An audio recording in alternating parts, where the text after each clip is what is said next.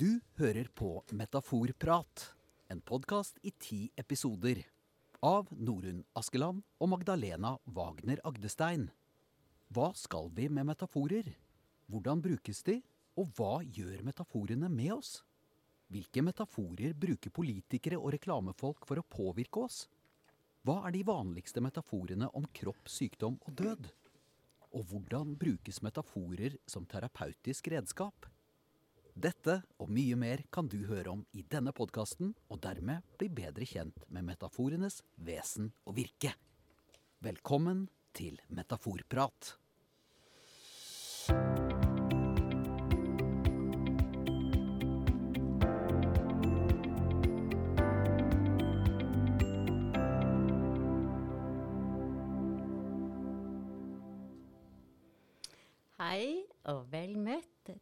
Episode av Metaforprat. I dag skal vi snakke om metaforer i ulike kulturer og språk. Og vi har en gjest i dag, en kollega fra Universitetet i Sørøst-Norge. David Glass, universitetslektor i engelsk. Han skal fortelle oss hva metaforer nordmenn sliter med når de skal forstå eller uttrykke seg på engelsk. David har bodd over 40 år her i landet, han er norsk gift, og han er godt kjent med både norsk og engelsk. Men aller først så skal vi som vanlig ta en titt på metaforbruken hos eh, skal vi kalle det kjendiser eller kjentfolk. Og denne gangen skal vi ta et eksempel fra en biolog og fagbokforfatter, nemlig Anne Sverdrup Tygeson. Hun vil at vi skal forstå hvor viktig naturen er for oss, og bruker denne metaforen om det. Naturen er som en hengekøye for oss. Om det kommer ett hull i hengekøyen, er det ikke noe problem, men om det kommer to eller flere, risikerer vi at hengekøyen rakner. Her har vi et strålende eksempel på at en framstående fagperson og akademiker ikke er redd for å bruke enkle metaforer for å forklare og gjøre tydelig det en vil ha sagt, som er at vi må ta vare på naturen fordi vi har, er så av, er avhengige av ham. Og dette er jo en enkel metafor som blir umiddelbart forstått i, i alle kulturer der hengekøye er kjent. Eh, men det fins kanskje metaforer som er felles for flere kulturer, Magdalena? Ja, tenk eksempel på utsagnet du kan ingenting ta med deg dit du går. Slik begynner refrenget i en sang av den kjente nederlandsk-svenske trubaduren og poeten Cornelis Fresvik. Vi forstår umiddelbart hva dette dreier seg om, selv om verken ordene liv eller død er nevnt. Grunnen til det at vi forstår hva som menes med dette, er at vi som mennesker har en dypt forankret forestilling om livet som en reise, livets vei og livets løp, sier vi. Og i tillegg har vi en kulturelt betinget tro på at det stedet livets vei fører oss til, er et immaterielt sted, altså et sted hvor vi ikke kan ta med oss noen ting. Men dette kan jo ikke stemme i alle kulturer. Hvis vi tenker på det gamle Egypt, da, der en balsamerte de døde og utgjorde gravene med all slags huskeråd og hester og tjenerskap, så vil jo ikke denne setninga kunne gi noe mening, eller den vil til og med kunne bli oppfatta som løgn. Og det samme gjelder vel Norge i vikingtida. Eh, der vi har jo vært kjent med hva, hva vi har funnet i gravhaugene fra den tida. Så metaforer det vi har med kultur å gjøre, da, med andre ord. Men det fins kanskje universelle metaforer som vi kan finne i alle kulturer. Ja, det gjør nok det. I vår siste podkast var vi inne på at basale kroppslige erfaringer blir lagret som erindringsspor i hjernen, som senere blir grunnlag for å danne metaforer. En slik erfaring er for eksempel spedbarnets gjentatte erfaring med å bli holdt kjærlig inntil morens kropp. Og det er denne erfaringen som gjør at vi senere forstår og bruker metaforiske utrom som for eksempel varme hilsener og varme tanker.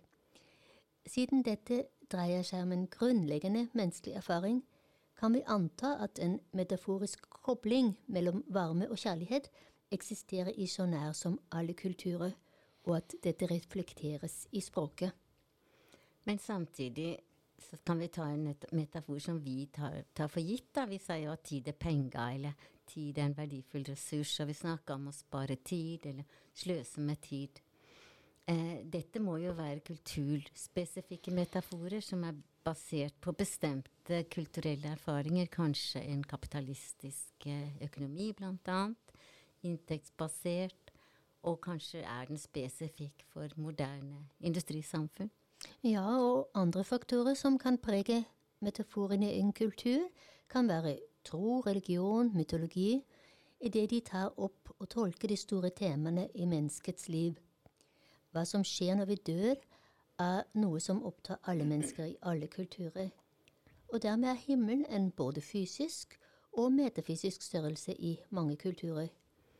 Når vi sier at vi er i den sjuende himmel, tenker vi neppe på det som vi isolert sett forstår med ordet himmel. Og i det metaforiske uttrykket er himmel bare en indikasjon på, eller for å være oppe, høyt oppe. I en tidligere podkast snakket vi om hvorfor oppe har en positiv metaforisk valør for oss, og at det skyldes en tidlig kroppslig erfaring i barndommen, nemlig barnets dypt internaliserte glede over å kunne reise seg opp og å nå opp til noe det ønsker seg, en lege f.eks. Det metaforiske uttrykket 'å være i den sjuende himmel' som et uttrykk for å være lykkelig finnes i mange språk, både i europeiske, deriblant norsk, tysk og engelsk, og i ikke-europeiske språk, f.eks. i arabisk. Lykke er oppe er med andre ord en metafor som deles av svært mange kulturer. Også på tysk sier vi im siebten Himmel sein, altså ordrett det samme som på norsk. Og du, David, kjenner sikkert det samme uttrykket fra engelsk, og kanskje har du et eksempel til? Ja, vi har samme uttrykk på engelsk, 'to be in seventh heaven'. Uh, og uh, en lignende himmelsk uttrykk er 'to be on cloud nine', og dette også betyr å være veldig glad. Um, en annen heaven-metafor, uh, hvis vi snakker om et meget lykkelig ekteskap, sier vi 'it's a marriage made in heaven'. men en ting jeg lurer på, hvorfor bruker vi himmel for å beskrive og spesifisere oppe i metaforen 'lykke er oppe'? Og um, hvorfor den sjuende himmel? Ja, oppe er jo himmelen, altså stedet hvor vi tenker oss at Gud er. Og forklaringen for hvorfor vi sier i den sjuende himmel, finner vi i antikken. Datidens astronomer og astrologer forestilte seg at himmelen var delt opp i sju gjennomsiktige sfærer som var tilordnet de fem kjente planetene og sola og månen. I den sjuende himmel holdt altså gudene til, og bak denne sluttet den materielle verden. Forestillingen om den sjuende himmel som den øverste av sju himler finnes også i Talmud og i Koranen. Det er altså en filosofisk og religiøs forestilling som er felles for flere kulturer, i den forstand at det å få plass ved siden av Gud eller gudene er den største lykken man kan oppnå. Men ellers kjenner vi også mange andre metaforiske uttrykk for lykke er oppe. F.eks. når vi sier at humøret er på topp, eller at man er helt i skyene, eller som de sier på engelsk to be over the moon. Men mange metaforiske varianter for lykke eksisterer altså parallelt i forskjellige språk og kulturer. Og nordmenn vil ofte kunne supplere med tilsvarende uttrykk fra norsk eller fra ett eller flere fremmedspråk de har lært. Det finnes altså ikke en direkte parallell i det andre språket for mange uh, metaforer. Og de kan ofte ikke oversettes ordrett. Ja, det har vi mange eksempler på.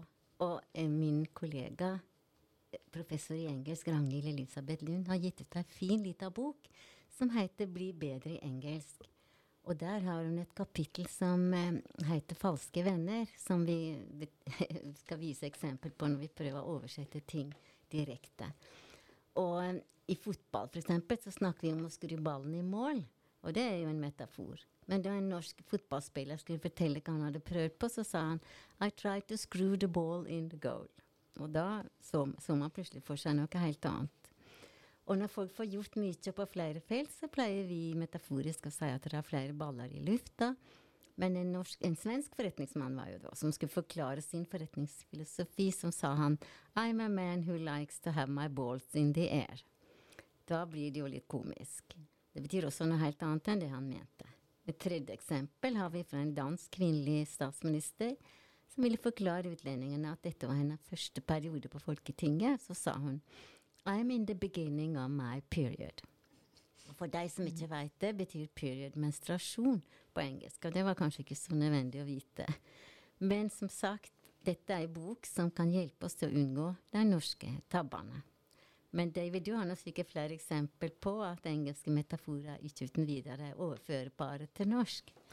Uh, ja, vi kan ta for oss en del svært vanlige engelske metaforer. Um, not my cup of tea. She's not my cup of tea. Det kan noe for meg. Um, a piece of cake. That was a piece of cake. Um, det var lett. Det var en smal sak. Um, full of beans. That child is full of beans. Full of foot. Høye ned. It's raining cats and dogs. Og hvis vi snur, uh, vi ting, uh, da har vi en del uh, norske som ikke kan oversettes direkte. Eksempel å hoppe etter Wirkola. Hva sier vi da? Vi sier kanskje um, That's not an easy act to follow. Um, å ta innesvingen på, som antagelig kommer fra skøytesporten. Det er ikke noe direkte ekvivalent på engelsk. Nei, helt riktig. Um, hummer og kanari. Hva betyr det? Det kan ikke oversettes direkte. Hvis du, hvis du snakker om lobsters and canaries, vil folk uh, ja, himle på øynene. Um, heller ikke met uh, metaforen at noe lukter pyton. Um, ofte er det kroppslige metaforer som ikke kan oversettes direkte til norsk. Uh, for eksempel to let one's hair down og slå seg løs. To laugh one's head off og le seg i hjel. To be gobsmacked. Gobsmacked betyr helt paff. Hmm, den er ikke lett å forstå. Hva betyr gobb? Uh, gob det er et slanguttrykk på munnen. For eksempel man sier 'shut your gob', eller um, 'he's got a big gob on him'. Um, to be gobsmacked s- det er som, om- så- som om du blir slått på munnen, og uh, du er veldig overrasket. Uh, en del andre eksempler hvis vi uh, beholder oss i, i hodets område. To cry one's eyes out, og skri, strigråte. Um, long in the tooth, å være gammel. Ja, det var jo en litt morsom metafor. Ja, det kom opprinnelig fra hestesalg, tror jeg. Uh, hvis man eksaminerte tennene til en hest for å se hvor gammel det var. Uh, og uh, hvis uh, tannkjøttet var borte, og te tennene så lengre ut enn uh, enn hos yngre hester, uh, det var et uh, tegn at uh, ja, det var et gammelt hest. Men lange med the det ja, uh, gammel. Hmm. Um, kunne det hende at eh, det også kunne brukes som folk? Jeg mener, jeg husker da jeg var liten at det var noen uh, gamle folk som hadde lange tenner. Uh, ja, ja, det er sikkert det. Ja, sikkert det. det er ikke bare hestene som burde visne bort. Um, ja, en del andre eksempler i samme år i, i uh, hodeområdet. Um, to put somebody's nose out of joint, det betyr å fornærme noen. Uh, oh, his nose was put out of joint because he was, uh, somebody made that remark about him. Um, du irriterer meg. You're getting right up my nose, or you're getting right up my nostrils. Um, å slenge med leppen. To be lippy, uh, frekk. Um, to hold one's tongue, å holde munn. Uh, hvis en person er en pest og en plage, vi sier he's a pain in the neck. Mhm. Og hva med tongue in cheek? Betyr det så mye som å spøke? Eller hvis jeg kommenterer noe jeg selv har sagt og skal signalisere at det må tas med et klype salt? Ja, ja, det er riktig. Og det sikkert finnes andre kroppslige eksempler som jeg kunne føye til. Ja, det er jeg ikke i tvil om. Men la oss nå rette fokus på et annet kildeområde, nemlig sport som leverandør av det metaforiske stoffet, altså sportsmetaforer. Ja, skal vi ta oss uh, en del sportsmetaforer som man ikke har no på norsk? Uh, delvis, eller sikkert fordi vi, vi, vi, vi snakker om sportsgrein som ikke er utbredt i Norge. Eh, Vi kan begynne med en del cricket-metaforer. Um, to be very surprised, å være veldig overrasket. To be bowled over, eller to be hit for six. Um, hvis vi snakker om en person som har hatt en lang, rik og interessant liv, uh, sier vi at um, ah, she's had a really good innings. Men i all verden, hva betyr innings? Ah, det er vanskelig å forstå. Det veldig, veldig vanskelig å forklare cricket. Men uh, i cricket er det to lag som spiller mot hverandre, og de tar hver sin tur til å bli innerlag, som, som uh, vil skåre poeng ved å slå ballen. Uh, og utelag. Utelag prøver å, å, å få disse innelagsspillene ut. Hvis en spiller i innelag er inne for en lang periode og får mange poeng, uh, han har hatt a good inning. Så en innings det er en, egentlig en omgang. Ja ja, takk, da lærte vi noe her. Men du har kanskje enda en cricketmetafor, du? Å ja, minst, uh, minst en. Uh, skal vi ta um, That's not fair. Uh, det, det er ikke rettferdig. Vi, man sier ganske enkelt it's not cricket, eller that's not cricket, fordi cricket er en uh, well, Ideen er at det er en gentlemansport hvor man ikke fusker, eller man ikke jukser. Uh, og hvis vi tar en annen sportsgrein, um, en del eksempler fra tennis. The ball's in your court. Uh, ballen er i din uh, banehalvdel. Uh, på norsk ville man ha sagt uh, ja, du har ballen. Keep your eye on the ball. Bli fokusert. Stay focused. And uh, keep your eye on the ball. Um, Ja, du er virkelig eh, bevandret i sportens verden, sier jeg. Og, og jeg regner med at du også har metaforer fra andre sportsgrener på lager. Ja, skal vi ta boxing? Um, to be up against the ropes. He's up against the ropes. Uh, hva betyr det? Det betyr at du har store problemer. En bokser som er på defensiven, uh, hvis uh, kanskje motstanderen uh, tvinger han mot tauen som går rundt uh, bokseringen, så det, det betyr at if you're up against the ropes, du, du, du virkelig sliter. Um, to take it on the chin. Uh, hvis du får et slag på haken, uh, er det sikkert vondt, og det, det er et farlig slag, men uh, hvis du bare fortsetter å slåss, uh, du tar det you take it on the chin.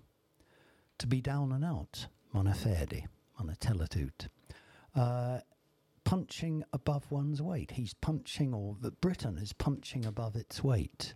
Aha, og det betyr at du presterer bedre enn forventet? Ja, ja riktig. Uh, boks, I boksingen har vi vektklasse, og uh, hvis din motstander tilhører en, en høyere vektklasse, betyr det at han er tyngre eller kraftigere, men du klarer å konkurrere mot ham. Um, et par eksempler fra rugby. To drop the ball. He dropped the ball. Uh, det betyr at uh, han, uh, han, han sviktet laget. Han, uh, han var for, kanskje fordi han var ukonsentrert. I rugby er det veldig viktig at man uh, beholder ballen, og det ikke går til den uh, andre laget, slik at de kan begynne å angripe. Um, en metafor som Boris Johnson likte å bruke når det gjelder å få til en endelig brexit-avtale. Let's get it over the line. We're going to get it over the line soon. Well, i, i rugby man skårer et mål ved å bære ballen over motstanderens uh, mållinje. You get it over the line. Uh, fra fotball, to move the goalposts. Betyr det å endre spillereglene? Ja. Og et eksempel til, til fra fotball. Back to square one. Det betyr å begynne på nytt. Um, dette kommer fra den tiden i 1930-årene da fotballkamper ble kringkastet på radio. Og de som lyttet mens de hørte på kommentatoren, de hadde et diagram av banen som ble delt inn i nummererte kvadrater, og square one var området um, foran hjemmelaget hjemmelagets mål. Så hvis ballen gikk tilbake til square one, det bare betyr at uh, man begynte på nytt og spille fremover. Ja, da har vi fått mange gode eksempler fra sport. Og da kan vi kanskje henvende oss til et annet tema, nemlig metaforer i litteraturen. Uh, ja, um, dere forstår kanskje metaforen Scrooge-like. Ikke Scrooge en figur fra Charles Dickens? Ja, han er den kaldhjertede misantrop i uh, A Christmas Carol. Og uh, Scrooge-like uh, ja, betyr m- miserabel, gledesløs. Uh, I motsetning til Scrooge, og vi, uh, hvis, vi, hvis vi holder oss til Dickens, Um, vi har eh, den evige optimistiske karakteren Wilkins McCawber fra Dickens sin eh, David Copperfield. Eh, og uh, McCawber sitt navn blir brukt i uh, metaforen Micawberish, eller Micawber-like, når vi skal uttrykke at en person er eller kanskje urealistisk, optimistisk, optimistisk når det how things will turn out. Um, ellers uh, vi nevne et annet uh, eksempel fra Dickens, uh, også fra David Copperfield, Uriah Heep. Hvis vi ser at noen er Uriah Heep, da mener vi at den personen er en slesk og tilsynelatende underdanig person. Um, en, en, som har en falsk ydmykhet, som, og, og, han er bare underdanig for å oppnå, oppnå noe, en øyetjener. Mm. Uh, ellers, fra, også fra litteraturen, kan vi nevne uttrykket av Peter Pan, for en uh, voksen som er evig barnlig. Uh, kommer fra forfatteren uh, J.M. Barries uh, Peter Pan, uh, The Boy Who Never Grew Up. og en til, som dere i Norge forstår, Robin Hood. hvis vi snakker om en person som en Robin Hood, vi mener en person som er kriminell, men har gode hensikter. Steals from a rich and gives to the poor. Ja, det var kjempefine eksempler fra litteraturen, eller metaforer i litteraturen. Men nå tenker jeg at vi kan snakke litt om britisk og amerikansk engelsk. De har vel hver sine spesielle metaforer? Ja, en del metaforer som tror jeg kommer fra amerikansk engelsk. Um, Uh, en lett sak å ordne er a walk in the park. Oh, that's easy. That'll be a walk in the park.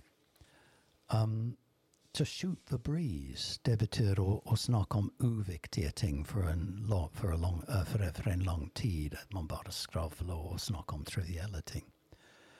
Um, that's the way the cookie crumbles.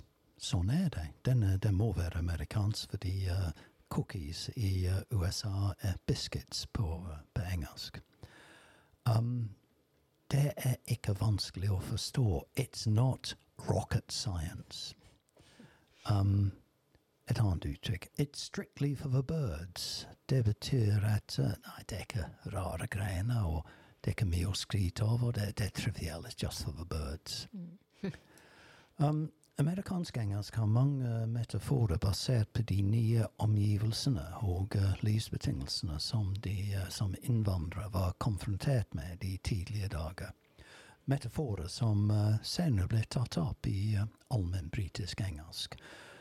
Uttrykk som eksempel to be on the fence, don't fence me in, to go on the warpath, to bury the hatchet.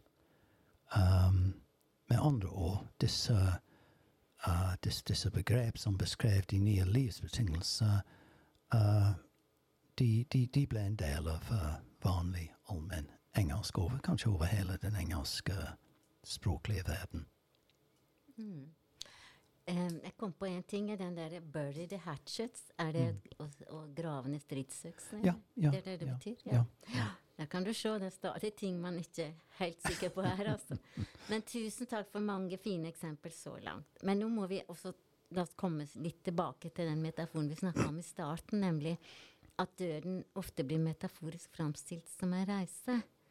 Og iallfall i vestlig kultur så kan vi slå fast at det er nokså vanlig å snakke om døden som avskjed, at den døde har forlatt oss, at han har gått fra oss, at den avdøde er en annen plass, et annet sted eller en annen stad, og har altså Det er snakka om og døden som en reise til noe annet. Mm. Metaforen 'døden er en reise' finner vi også i gresk mytologi. Og da er overgangen fra livet til døden framstilt som en båtreise. Og da er det fergemannen Karon som frakter den avdøde over elvens Tyks, altså elven som skiller jorden fra dødsriket. Og du, David, har vel også noen eksempler om døden som reiser på engelsk? Ja, uh, døden som reise er en ganske utbredt uh, metafor i engelsk. Uh, vi ser f.eks.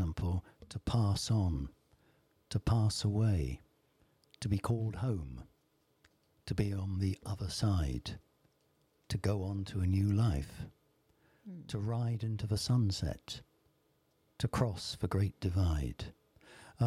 og eh, jeg tenker også på et par, eh, et par metaforer fra sanger kan nevne. Um, en låt, uh, 'The House of a Rising Sun'. Uh, um, fortelleren i den uh, låten er en mann som er på, ja, på, på som er nær døden.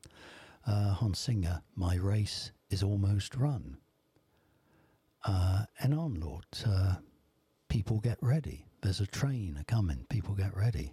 Um, there's a train a coming. Um, death, uh, liv og død uh, fremstilt som en togreise hvor man kommer til, til endestasjonen.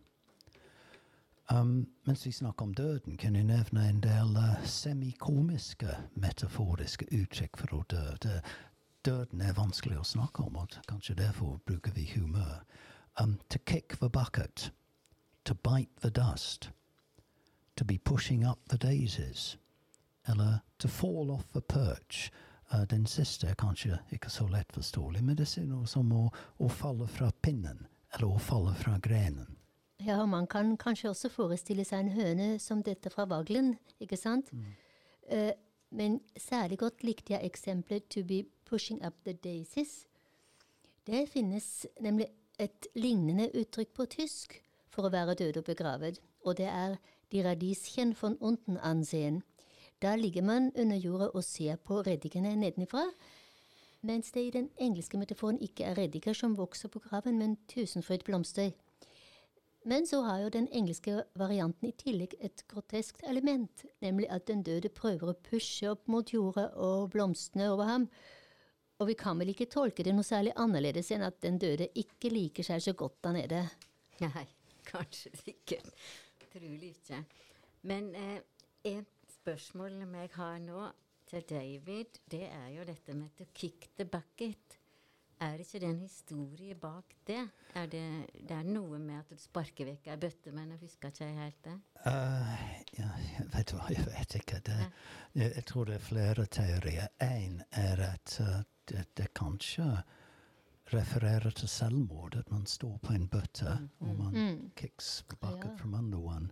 Mm. Uh, men jeg tror det finnes andre, andre teorier også om hvor, hvor jeg, jeg, tror jeg leste et sted at um, at uh, når man var død, plasserte man uh, plasserte familien en bøtte utenfor, utenfor huset til den døde. Og uh, folk som kom forbi, kunne legge noe penger, noe mynter, inn i bøtten, for å, kanskje for å betale for um, the uh, funeral expenses, mm. begravelseskostnader. Mm. Uh, men det var noen folk som, som bare sparket bøtter ja, ja. for å gi inntrykk at de hadde bidratt, men uh, de hadde ikke det. Uh, og jeg, jeg, tror det er flere um, ja, er teorier. Det er interessant. Men det er jo helt tatt mange interessante eksempler eh, på dette med metaforer i kultur. Og vi har jo i dag sett på mange metaforer som deles av mange kulturer, og metaforer som er kul kulturspesifikke pga. Eh, religiøse eller historiske eller geografiske forskjeller. Og last but not least så har vi altså hatt med oss en gjest som ga oss innblikk i engelskens mange metaforer. Og da tenker jeg at vi utfordrer deg, David Glass, til å gi lytterne noen morsomme takeaways før vi skal slutte for alvor. Altså engelske metaforer som de fleste nordmenn ikke kan, men som de kan nytte av når de f.eks. ser på engelske krimserier eller følger med på BBC World. Det går jeg ut fra at du helt sikkert har å dele med oss, har du ikke, David? Uh, ja. Har du hørt om Marmite? Vet du hva Marmite er? Mm. Ja. Li, li. Nei, jeg tror ikke det. li, liker du Marmite? Nei, ikke så veldig godt. Den nei, smaker nei, litt maltekstra. Ja, ja, riktig. ja. Um, Marmite uh, er et britisk pålegg som har en veldig sterk og litt uvanlig smak. Og uh, man enten elsker Marmite, eller man hater Marmite. Og begrepet er blitt overført til å beskrive um, hvis, uh, elsker-hat-responser til andre ting. F.eks. en person, et kunstverk, en film etc. etc. Uh, så man snakker om the Marmite response. Mm. Uh, oh, that, uh, have you read that book? Uh, yeah, it was awful. Oh, I rather liked it, yes, but then it is a rather marmitey type of book, isn't it? Um, uh, dessuten uh, er marmite ofte smørt på ristet brød. Man tar det med ristet brød, smør, og man legger marmite på toppen. Uh, og ristet brød på engelsk er toast. Og uh, ordet toast er blitt brukt uh, i det senere år for å beskrive at en person er ferdig. Uh, mange har brukt den i om statsminister Boris Johnson. De har sagt at after all of these Partygate revelations, Boris Johnson is toast. Mannen er ferdig. Um, en del andre metaforer. Jeg er veldig glad i australske metaforer, australske idiomer. Skal vi, vi kan ta, til slutt kan vi ta en del australske uh, metaforer. A drongo. Hva betyr det? A drongo er en udugelig, håpløs person. Men hvor kommer uh, begrepet drongo fra? Det, det kommer fra en, det var navnet til en australsk veddeløpshest i 1920-årene som er helt håpløs. Det nesten alltid kom sist i løpene. Så a drongo, en, ud en udugelig person.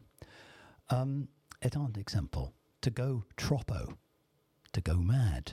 Troppo kommer fra ordet tropical. Uh, det ble sagt at folk som flyttet til de nordlige deler, delene av Australia, ble drevet til vanvidd av det varme, tropiske klimaet. Så they went tropo. Og til slutt en litt mer vogal og vulgær metafor, også tror jeg fra Australia. Um, en mann som er ansett, så ansatt, ansett som arrogant eller forfengelig, beskrives som to be up himself. Oh, he's up himself. He's unbearable. He's really up himself. En kroppslig metafor som, forstiller en, som forestiller en uh, umulig seksuell uh, manøver og teknikk. Ja, jeg lurer på når vi har på norsk sier at han er så full av seg selv. It's full of himself, om det kan være litt av det samme. Men uansett så tror jeg at vi må, nå må vi kanskje sette punktum, eller så kanskje vi går troppo, eller blir, Ja, Nå må vi slutte. blir drongo. Og igjen da takk til deg, David, for at du bidro som gjest i podkasten vår. Vi kommer jo tilbake med nye episoder etter sommerferien. Og neste episode skal vi ta for oss omtalen av samer i lærebøker og fagbøker gjennom tidene. Og vi skal også se på metaforer i samisk litteratur, som kan være mange av de samme som i norsk, men kanskje har en annen kontekst. Så det skal vi ta for oss. Da høres vi etter sommerferien. Takk for at du hørte på.